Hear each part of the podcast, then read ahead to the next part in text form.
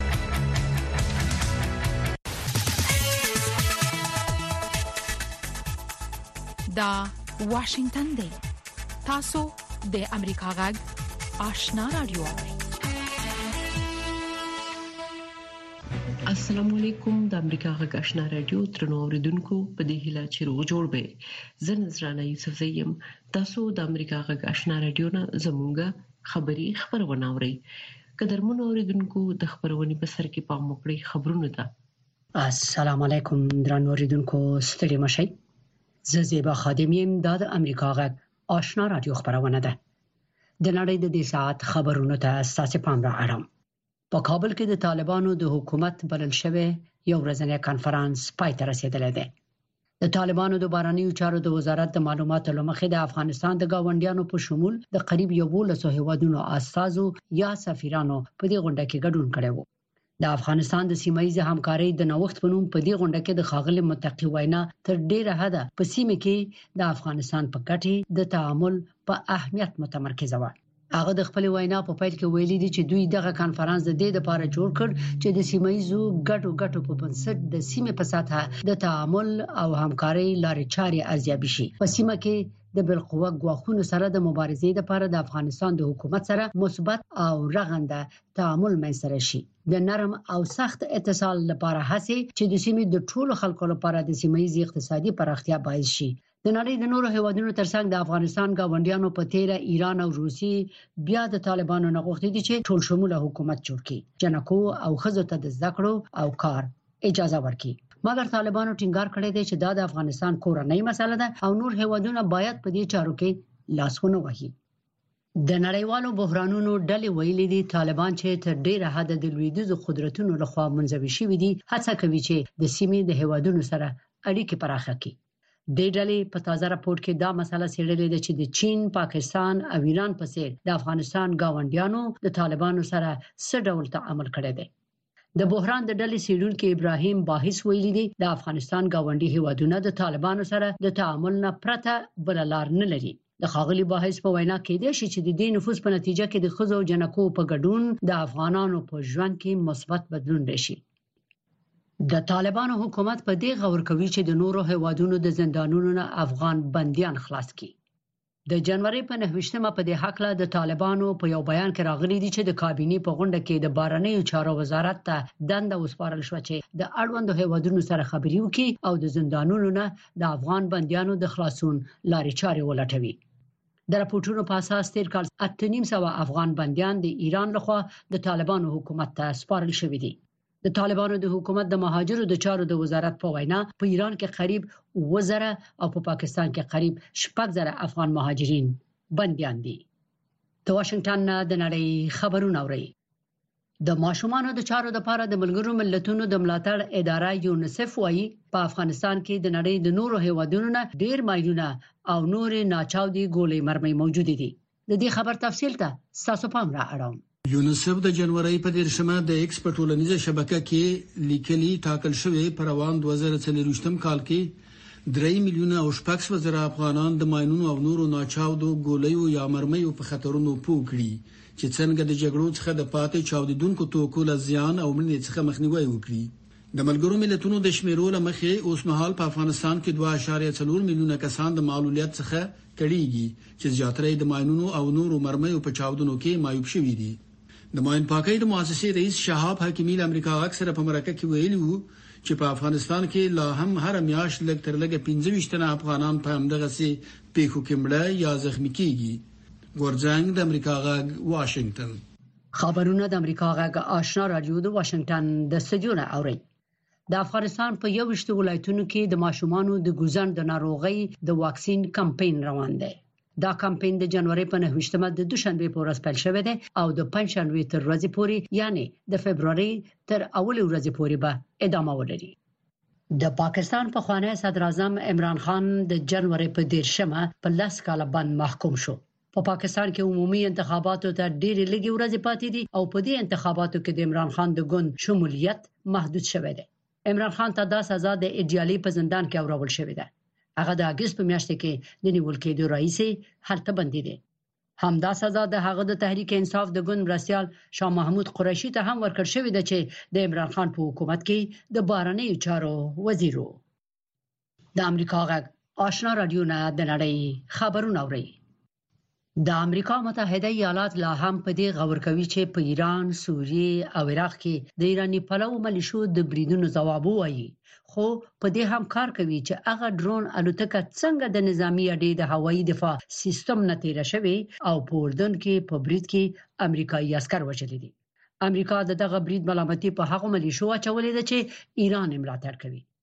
سپینه مانې د جنوري په 9مه د جزئیاتو د څرګندولو پرته وویل چې قاطع ځواب به ورکړي د متحده ایالاتو د ملي امنیت د شورا ویان جان کربي په خبري کانفرنس کې ویل چې د ایران سره جګړه نه غواړي مګر په اردن کې په امریکایي قواو دا برید کړکېچ زیاتوي ایران وایي چې په امریکایي قواو باندې په برید کې لاس نه لري او د متحده ایالاتو او برتانیې دا تورونه هم رد کړي دي چې ګوند په سوریه او عراق کې د ملیشو ملاتړ کوي د امریکا د متحده ایالاتو د داخلي عوایدو د خدماتو ادارې یو پخوانی قراردادي چې د مخکنی جمهور رئیس ډونالد ټرمپ او زورګونو نور شتمنو امریکایانو د مالیه اسناد مطبوعاتو ته افشا کړی وو د جنوري په 9مه په 15 کلونو بند محکوم شو او د شفافیت د نړیوال سازمان په راپور کې چې د جنوري په 13مه خپور شوی سومالیا، وینزویلا او سوریه د اداري فساد په شاخص کې د 180 هیوادونو په جملې کې د نړۍ تر ټولو مفسد هیوادونه بلل شوي او ډنمارک په دې لیست کې تر ټولو پاک هیواد بلل شوی دی. د شفافیت د نړیوال سازمان په کلني رپورټ کې همدغه راز ویل شوي دي چې افغانستان د شلو امتیازونو په ترلاسه کولو د نړۍ په هغو هیوادونو کې دی چې اداري فساد پکې ډیرو سیبا خادم امریکا غږ واشنگتن د امریکا غږشنا رادیو ترنو اوریدونکو تاسو خبرونه واوریدل په موکړی زموږ د خبرونې لومړی رپورت ده د طالبانو د حکومت د بهرنو چارو وزارت وایي چې چارو وزارت لخوا د افغانستان د سیمه ایزي همکاري ابتکار تر نامه لاندې د جوړی شوی ګډونوالو په خپل په افغانستان کې امن ثبات او پرمختګ د ټولې سیمې په ګټه بللې د سیاسي چارو ځینې افغان کارکونکو وایي چې په دې غونډه کې تر ډیره د ایران نفوس تر سره سترګو کیږي اکرام شنوار رپورټ را لګره د طالبانو د حکومت د بهرنی چارو وزارت سرپرست مولوی امیر خان متکی د دوشنبه په ورځ کابل کې افغانستان د سیمې همکاري ابتکار تر لامل لاندې جوړې شوې غونډې د پاتې رسیدو وروسته خبريالان سره په خبرو کې ویل چې په دې غونډه کې افغانستان لپاره د یو لسی وادونو ځانګړو استادو او سفیرانو ګډون کړو دا کانفرنس د دې لپاره و چې په سیمه کې یو له بل سره همکاري رامنځته شي او د سیمې مشترکې ګټې او مشترک تهدیدونه په دې باندې خبرې وشي د غونډې ټولو ګډونوالو په اتفاق سره دا خبرې وکړې چې په افغانستان کې امن ثبات او د افغانستان ترقي د ټولې سیمې په ګټه ده او له هیڅ نوع اخلال او بې امنیتي سره باید په سیمه کې هیڅ نوع همکاري ونشي. د طالبانو د حکومت د بهرنیو چارو وزارت وایي چې په کابل کې په دغه غونډه کې د افغانستان لپاره د روسیې، چین او ایران د ځانګړو استازو ترڅنګ د هند، اندونیزیا او ترکیې په ګډون د یو شمېر ګاونډیو هېوادونو سفیرانو او دیپلوماتانو برخه اخیستې وه. په دې غونډه کې د پاکستان د حکومت په سړیتو په کابل کې دغه هیواد شارژ دافر او بیل الرحمن نظامانی برخه لرله د سیاسي چارو او افغان کارپو طارق برهدي فکر کوي چې دا غونډه د ایران په نوښت جوړه شوې و حضور زمیر کابلوف هم یک حضوری بود در حقیقت لافروف چند روز پیش در ملل متحد گفت که تار طالبان حکومت همه شمول نداشته باشد ما اینا را به رسمیت نمیشناسیم و ایران هم حتی در کابل در نطق خود گفت که حکومت در افغانستان باید دور از تبعیض باشه ما شما تنها روایت آقای متقی شنیدیم اما در دورا دور موضع همسایگان راجع به افغانستان تغییر نکرده خغله پر هدی وی چې د هند استاذي هم تر ډیره چابهار اړوند مسلو باندې خبرې وکړي دی وی چې داسې ښکاري چې ایران هڅه کوي د سیمې له وضعیت څخه ګټه پورته په عین حال کې د بحران نړیوالې ډلې په 2020م کال د اگست په میاشت کې په افغانستان کې وخت د طالبانو د بیا رسیدو وروسته دغه هیواد د ګاونډیانو او سیمې هیوادو د اړیکو په اړه په راپور کې ویلي چې د هیوادونو د طالبانو د حکومت سره د خپل امنیتي اړتیاو د هوارولو او اقتصادي ثبات لپاره په اړیکو کې دي دغه ډلې د سې شنبه په ورځ په تفصيلي راپور کې طالبانو لخوا د خپل حکومت د رسمیت پیژندلو د لټي مسلې په ګډون سیمه ییز امنیت د داعش او تحریک طالبان پاکستان ټي ټي پی او نورو ډلو د فعالیتونو څخه سیمه هیوادو ته پر اولاړ شو غواخونو او د طالبانو د حکومت لخوا د زنو انکشافي پروژو د پیلولو د غیزو په اړه بحث کړی دی په دې راپور کې ویل شوی چې د دې لپاره چې د نړۍ اکثره هیوادونه د خزو انجونو د حقوقو څخه د طالبانو حکومت د سرګړاونو لامل دغه حکومت سره د اړیکو د پاللو څخه ډډه کوي د افغانستان شاوخوا ته پراته هیوادونه د خپل امنیتي اړتیاو د هوارولو او اقتصادي ثبات لپاره ورسره پاړي کوي په دې راپور کې ویل شوی چې طالبان د پخوانیو افغان مشرانو په څیر افغانستان د سیمې د اتصال مرکز په توګه یادوي. په دې راپور کې ویل شوي چې د طالبانو په وړاندې د سیمې هیوادو پالیسي ډیر توپیر لري د دې سره سره ټول په دې باور دي چې د طالبانو رژیم سره اړیکې به اړینې وي خو تر اوسه د غوي بوختیا په محدوده کچه کې ده کابل او سیمه ییز شریکان د ګډو اندېښنو په برخه کې د نظریاتو د اختلاف سره سره یو توافق ته د رسیدو په برخه کې مبارزه کوي چې پکې د سوداګرۍ د پراختیا او د اوبو په سر د لانجې مدیریت او د تاوتریخوالي د انتقال مخنیوي هم شامل دي په دې راپور کې ویل شوي چې د دې سره سره چې دا یو د ستونزو ډکه هڅه ده خو یو د ارزښت وړ هڅه هم ده او باید لویدیز هیوادونه مخه ونه نیسي په دغه راپور کې ویل شوي چې د 2020 کال د اگست میاشت کې وخت د طالبانو د بیا رسیدو وروسته د افغان میرمنو او انجونو د حقوقو څخه د طالبانو انکار او پر خځو انجونو باندې د سختو ټولنیزو مقرراتو لګولو لامل لک تر لږه د اوس لپاره د ملګرو ملتونو او نورو نړیوالو ادارو لخوا د طالبانو د حکومت د رسمیت پیژندلو فرصت لمن څخه وړی دی په دغه راپور کې ویل شوی چې د سیمه ییزې همکارۍ په برخه کې په ډیرو اقداماتو کې لویدیځ هیوادونه ونډه نه لرله خو دا راپور وایي چې په ځانګړي ډول اروپایي هیوادونه به یو باثبات او په خپل ځان متکی سیمه څخه چې د نشي توکو د کډوالۍ او تروریزم منبع نه وي ګټه پورته کړي د بدلون پر مهال کله چې د نړۍ وضعیت څرګند نه وي او کله چې اوریدل ل عیني واقعیتونو سره سمون نه خوري موږ په حقیقت پسې ګرځو کله چې موږ ته د یو موضوع یوازې یو اړخ بیانېږي نو باور بایلو د ناورین پر مهال د یوې ښې راتلونکې لپاره زموږ خوبونه تم یو هلي پر آزادو مطبوعاتو تکیه وي د امریکا غږ پر چپو موږ هغه خبرونه خبرو چې خلک یې د لیدلو لپاره غواخونه مني موږ نړۍ سره وسلو او د حقیقت په ویلو یو موټی کوو د امریکا غږ لاري موږ بشپړ انزور درکو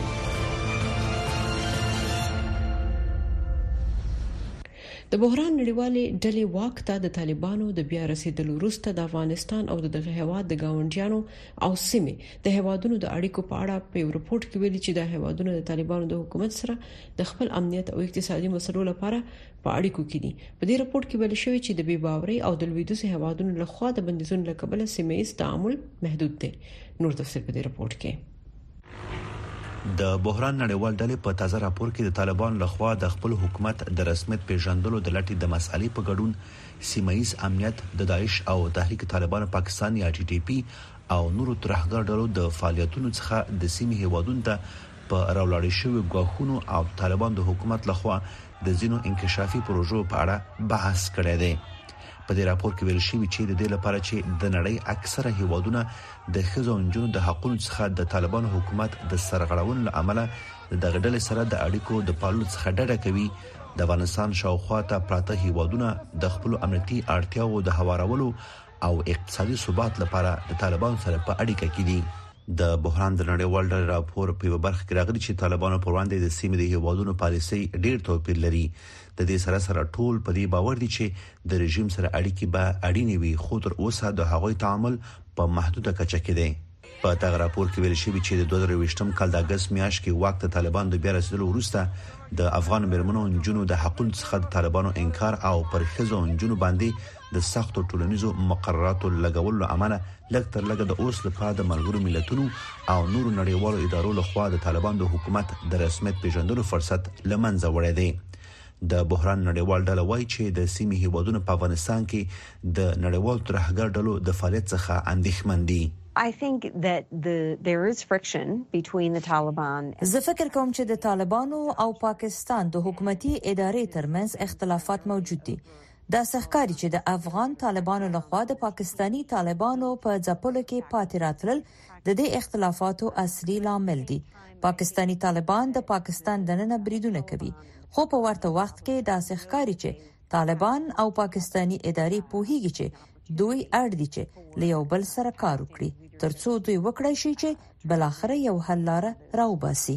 د بحران نړیوال ډلې راپور په کابل کې د طالبان د حکومت د بهرنیو چارو وزارت لخوا د افغانستان د سیمایي همکاري ابتکار ته نامه لاندې د جوړ شوی غونډې یو ورځ وروسته خبر شوې دی په کابل کې په دغه غونډه کې د افغانستان لپاره د روسي، چین او ایران د ځنګړو اساس ترڅنګ د هند، انډونیزیا او ترکیې په ګډون د یو شمېر گاونډي هوادونو سفیرانو او ډیپلوماټانو برخه اخیستې و. کانفرنس کې دا خبره په ډیر وضاحت سره استاذو وکړه. چی د افغانستان کنګل سوی شتمنۍ باید افغانستان ته ازادی سی. دا د افغانانو حق ده. دا د افغانستان بانک پشتیبانه ده. د طالبانو حکومت پر افغانستان له نږدې دوه نیم کلنې واکمنۍ وروسته هم د نجونو او ښځو د کار او تعلیم د بندیزونو او د بشري حقوقو د سرغړونو له کبله د نړیوالو لخوا په رسمیت نه دی پیژندل شوی.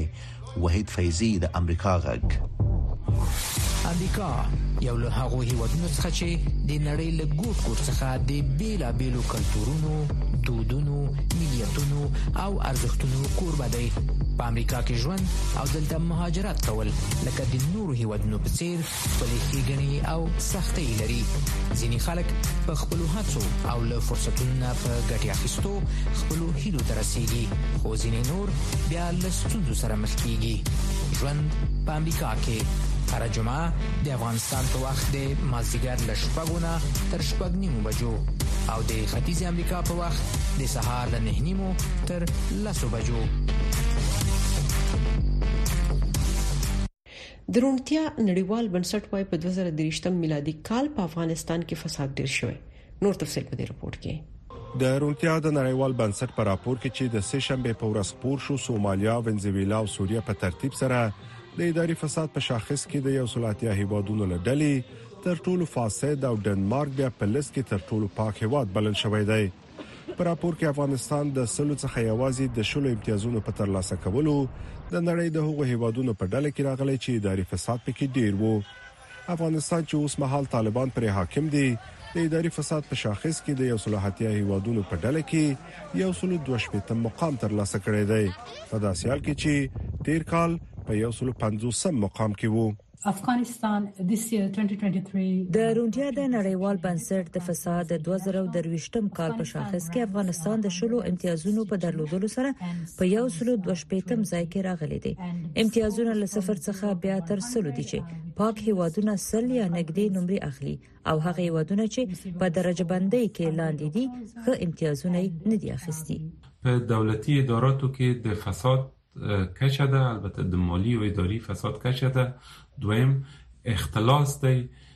دولت د دولتي بستونو یا منصبونو پیر او پلور دی د سیاسونو ترمنځ د مالی فساد کچه ده په عدلی او قضایی برخو کې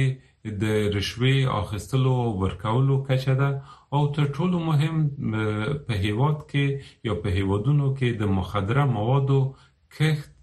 ترانزیت، پروسس او د ده قاچاق او د هغه څخه د ګټې پورته کولو مسئله ده چې دا په دغه ګزارشاتو کې په نظر کې نیول کېږي. افغانستان په دې شاخص کې د ترکمنستان او تاجکستان په شان د خپلو یو شمېر ګاونډیو په نسبت په ښه موقعیت کې دی. یو دا چې د مخدره موادو د کښت او د هغه د ترانزیت او د هغه د ګټې د هغه نه د ګټې پورته کولو کنټرول دی او دویم دا چې نسبت د تېرو کلونو په دولتي اداراتو کې د مالی فساد کچه یو اندازه راټیټه شوې زه فکر کوم دغه عمده دلیل محسوبې دی شي د یاد بنسټ پر راپور کې راغلي چې عدالت او په ګټوره توګه د قانون حاکمیت په داخلي او نړیواله کچه د اداري فساد په مخنیوي کې مهمه ونډه درلوده فساد به تر هغه دوام ولري څو چې عدالت ناوړه کارونه پر شا نه وي تمبولي او حکومتونه یې تر څار لاندې نه وي راوستي کله چې عدالت واخیستل شي یا په سیاسي لحاظ مداخله پکې وي بیا دا خلک دي چې کړيږي رهبران باید په بشپړه توګه پکې پانګونه وکړي او د بنسټونو خپلواکۍ تضمین کړي چې قانون ته درناوی او له فساد سره مبارزه کوي په راپور کې دا هم ویل شوی چې د عدالت او قانون حاکمیت په نشټون کې هغه کسان چې د واک څخه ناوړه ګټه اخیسته د عواقبو سره نه دی مخ شوی سمي الله جلال زای د امریکا غږ طالبانو د افغانستان له دننه د امریکا غږ راډیو خبرونه درولې دي خو امریکا غږ په پوره شمنتیا خپل افغان اوریدونکو ته په پښتو او دری ژبه د کاره باوري او هر اړخیزو خبرونو په خبرولو د افغانستان له بهره پر 902 کیلو هرتز منځنوي سپو خپل خبرونه ته دوام ورکړي د دې ترڅنګ تاسو کولای شئ چې زموږ پښتو خبرونه په لاندو سپو هم واورئ پښتو سهارنې خبری خبرونه پر وزارت 290.0 سپو اوریدل شي ما خبرنې پښتو خبرونه په 2040.0 2015.0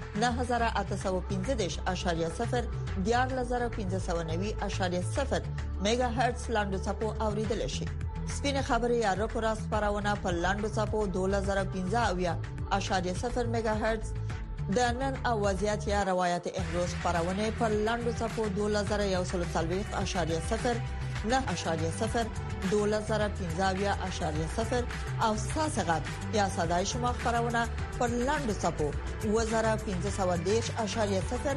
9315 میگا هرتز اوریدل شي په داسې حال کې چې ولسمشر جو بایدن څرګند کړي چې په اردن کې د ډرون په یو برید کې د دریو امریکایي عسکرو د وژنې ځواب به ورکوي سپینه ماڼۍ وایي د ایران سره جګړه نه غواړي نور تفصيل په دې رپورت کې سپینه ماڼۍ تر سخت فشار لاندې ده ترڅو د ډرون هغه برید ځواب ورکړي چې د یکشنبې په ورځ یې په اردن کې درې امریکایي عسکر ووژل واشنگټن ویلي دا برید په سوریه او عراق کې ایران پلوه وسلوالو جنګیالیو کړی د دوشنبې پر ورځ د امریکا حکومتي چارواکو په ډیر ډاډ ویل چې ایران د برید تر شا لاس لري خو چارواکو په دې اړه نه زیات جزئیات ورکړل او نه یې د راتلونکي اقدام خبره وکړه. زه به له دې ځایه څه نوي ګواښونه ونه کړم او نه به د ولسمشر یا د هغه د تصمیم نیولو په وړاندې واقع شم. لکه څنګه چې هغه پرون وویل، موږ به ځواب ورکړو. موږ به دا کار په خپل وخت او زمان کې وکړو او په داسې بڼه به یې وکړو چې ولسمشر یې د اعلی سرقوماندان په توګه پرېکړه کوي دا به د هغه حقیقت پر بینا وکړو چې دې ډلې چې د تهران ملاتړ ورسره دی د امریکایي عسکرو ژون یې اخیستی. خو کربي وویل، یوه خبره ډېره روښانه ده. موږ د ایران سره د جګړې په لټه کې نه یو. موږ په سیمه کې د پوځي لارې د کومې شخړې اراده نه لرو. د دوشنبې په ورځ ایراني چارواکو مسوولیت لرل رد کړل. ما به دنبال تنش با هیچ طرف. موږ د سیمې دننه او بهر حتی د امریکا سره د جنجال په لټه کې نه یو. د ایران اسلامي جمهوریت د نړیوالو او سیمه ییزو لانجو په سیاسي حل باور لري. خو د ناټو سازمان مشر هم د دوشنبې په ورځ په واشنګټن کې اندېښنه څرګنده کړه او ایران یې مخاطب کو.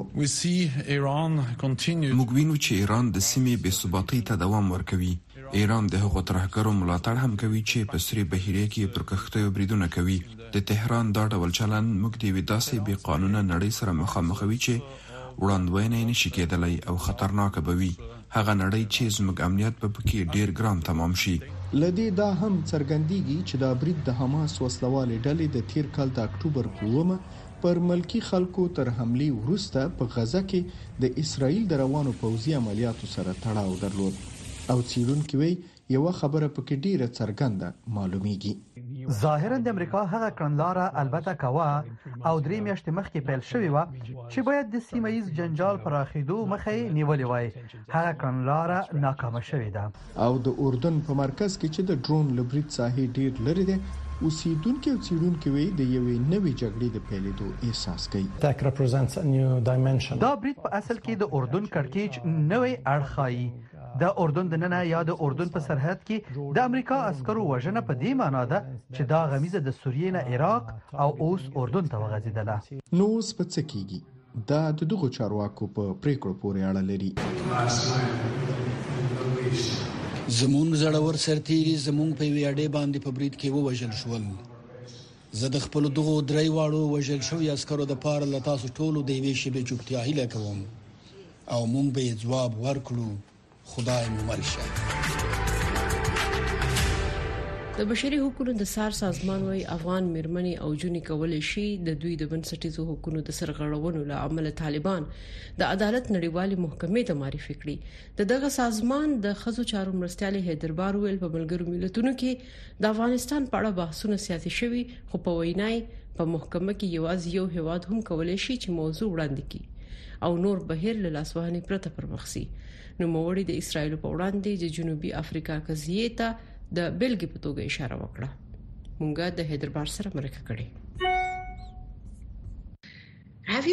په افغانستان کې د میرمنو وضعیت په نظر کې د نیولو سره آیا تاسو کله ناکله د مایوسۍ احساس کوئ چې وضعیت به بهتر نشي؟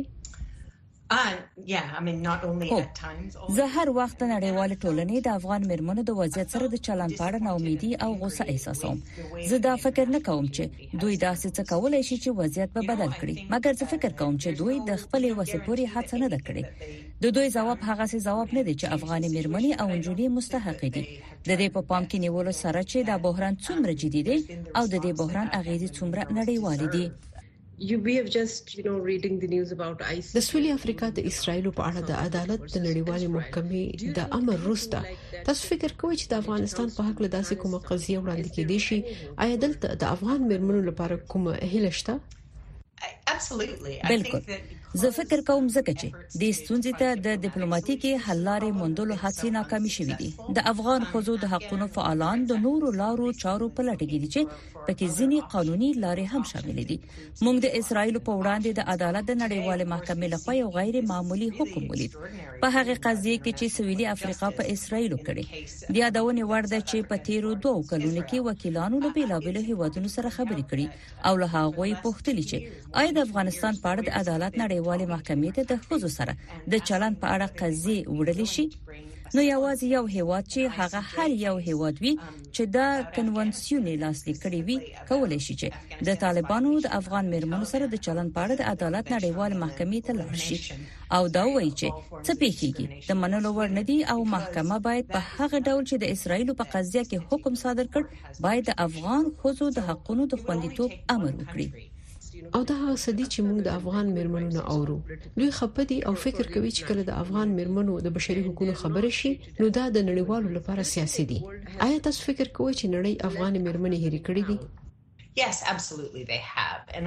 بلکل همداسې ده او زه فکر کوم چې کوم چلن چې نړیوالو د افغان میرمنو په برخه کې وکړ واقعا موږ ته د نړۍ په کچه د جنسي مساوات او د ښځو حقوقو په اړه د اوسنی حالت په اړه ډیر څه ښیي دا حیرانتیا خبره نه ده چې وګورو چې نړۍ د افغان میرمنو په اړه څومره لږه پاملرنه کړې ده کله چې تاسو وګورئ چې په نړۍ کې زموږ ډیر سیاسي مشران لا هم نارینه دي او موږ په حقیقت کې په ډیرو هیوادونو کې او په ملګرو ملتونو کې د ډیرو بحثونو په شمول د خوځو د حقوقو په وړاندې نړیوال خبرګون څنګه وینو او د دې دلیل یوه برخه چې افغان میرمنې او نجونې له بحران سره مخ دي زما سازمان او د حضور د حقونو ټیم ته چې زی برخه یم خورا مهم دی ځکه چې موږ دا غنو چې نړۍ څنګه د افغانو میرمنو او نجونو وضعیت ته پام کوي یا نه کوي په نړیواله کچه د حضور د حقونو لپاره ډېری پایلې لري او دا چې موږ ټول اړتیا لرو چې د افغان مېرمنو سره ودرېږو ځکه چې دا زموږ د خپلو حقوقو د ساتنې لپاره مهمه ده ایا تاسو فکر کوئ چې هغه افغان مېرمنې یا وکیلان چې د افغان مېرمنو لپاره کار کوي ممکن دا فکر وکړي او د مرستې لپاره سویلي افریقا ته ووایي؟ دا په زړه پورې ده ځکه چې سویلي افریقا د جنسیت د توپیر د مفکورې خورا ملاتړ کوي. زه ډاډه یم چې تاسو لیدلي چې ملاله یوسفزۍ دلته په سویلي افریقا کې د نیلسن منډیلا یادګاري وینا کړې زه دا اوس وخت په سویلي افریقا کې یم ملالې یوسفزۍ خپل ټوله وینا د افغانستان پر وضعیت متمرکز کړه او له نړۍ وغوښتل چې د جنسیت توپیر پر رسمیت وپیژني او زما په اند هغه ته د سویلي افریقا د حکومت او خلکو ډیر توت خبرګون خو البته سویلي افریقا په خپل دا وخت په ټاکنو کې مصروف ده او بیا په اسرایل په آی سی جی کې قضیه کړې ده خو زه فکر نه کوم چې دا به بد نظر وي چې د سویلي افریقا سره د افغان مېرمنو په استازیتوب د عدالت نړیوال محکمې ته د وی بلې قضیې د سپکولو په اړه د امریکا غږ د روانو چارو نوي ټلویزیونی خبرونه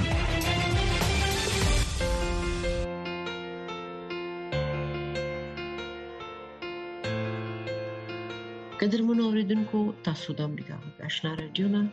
زموږه خبری خبرونه واوریده موږ تاسو نه په دې هیله اجازه غواړو چې خبرونه به اوریدلې وي د خوده په امان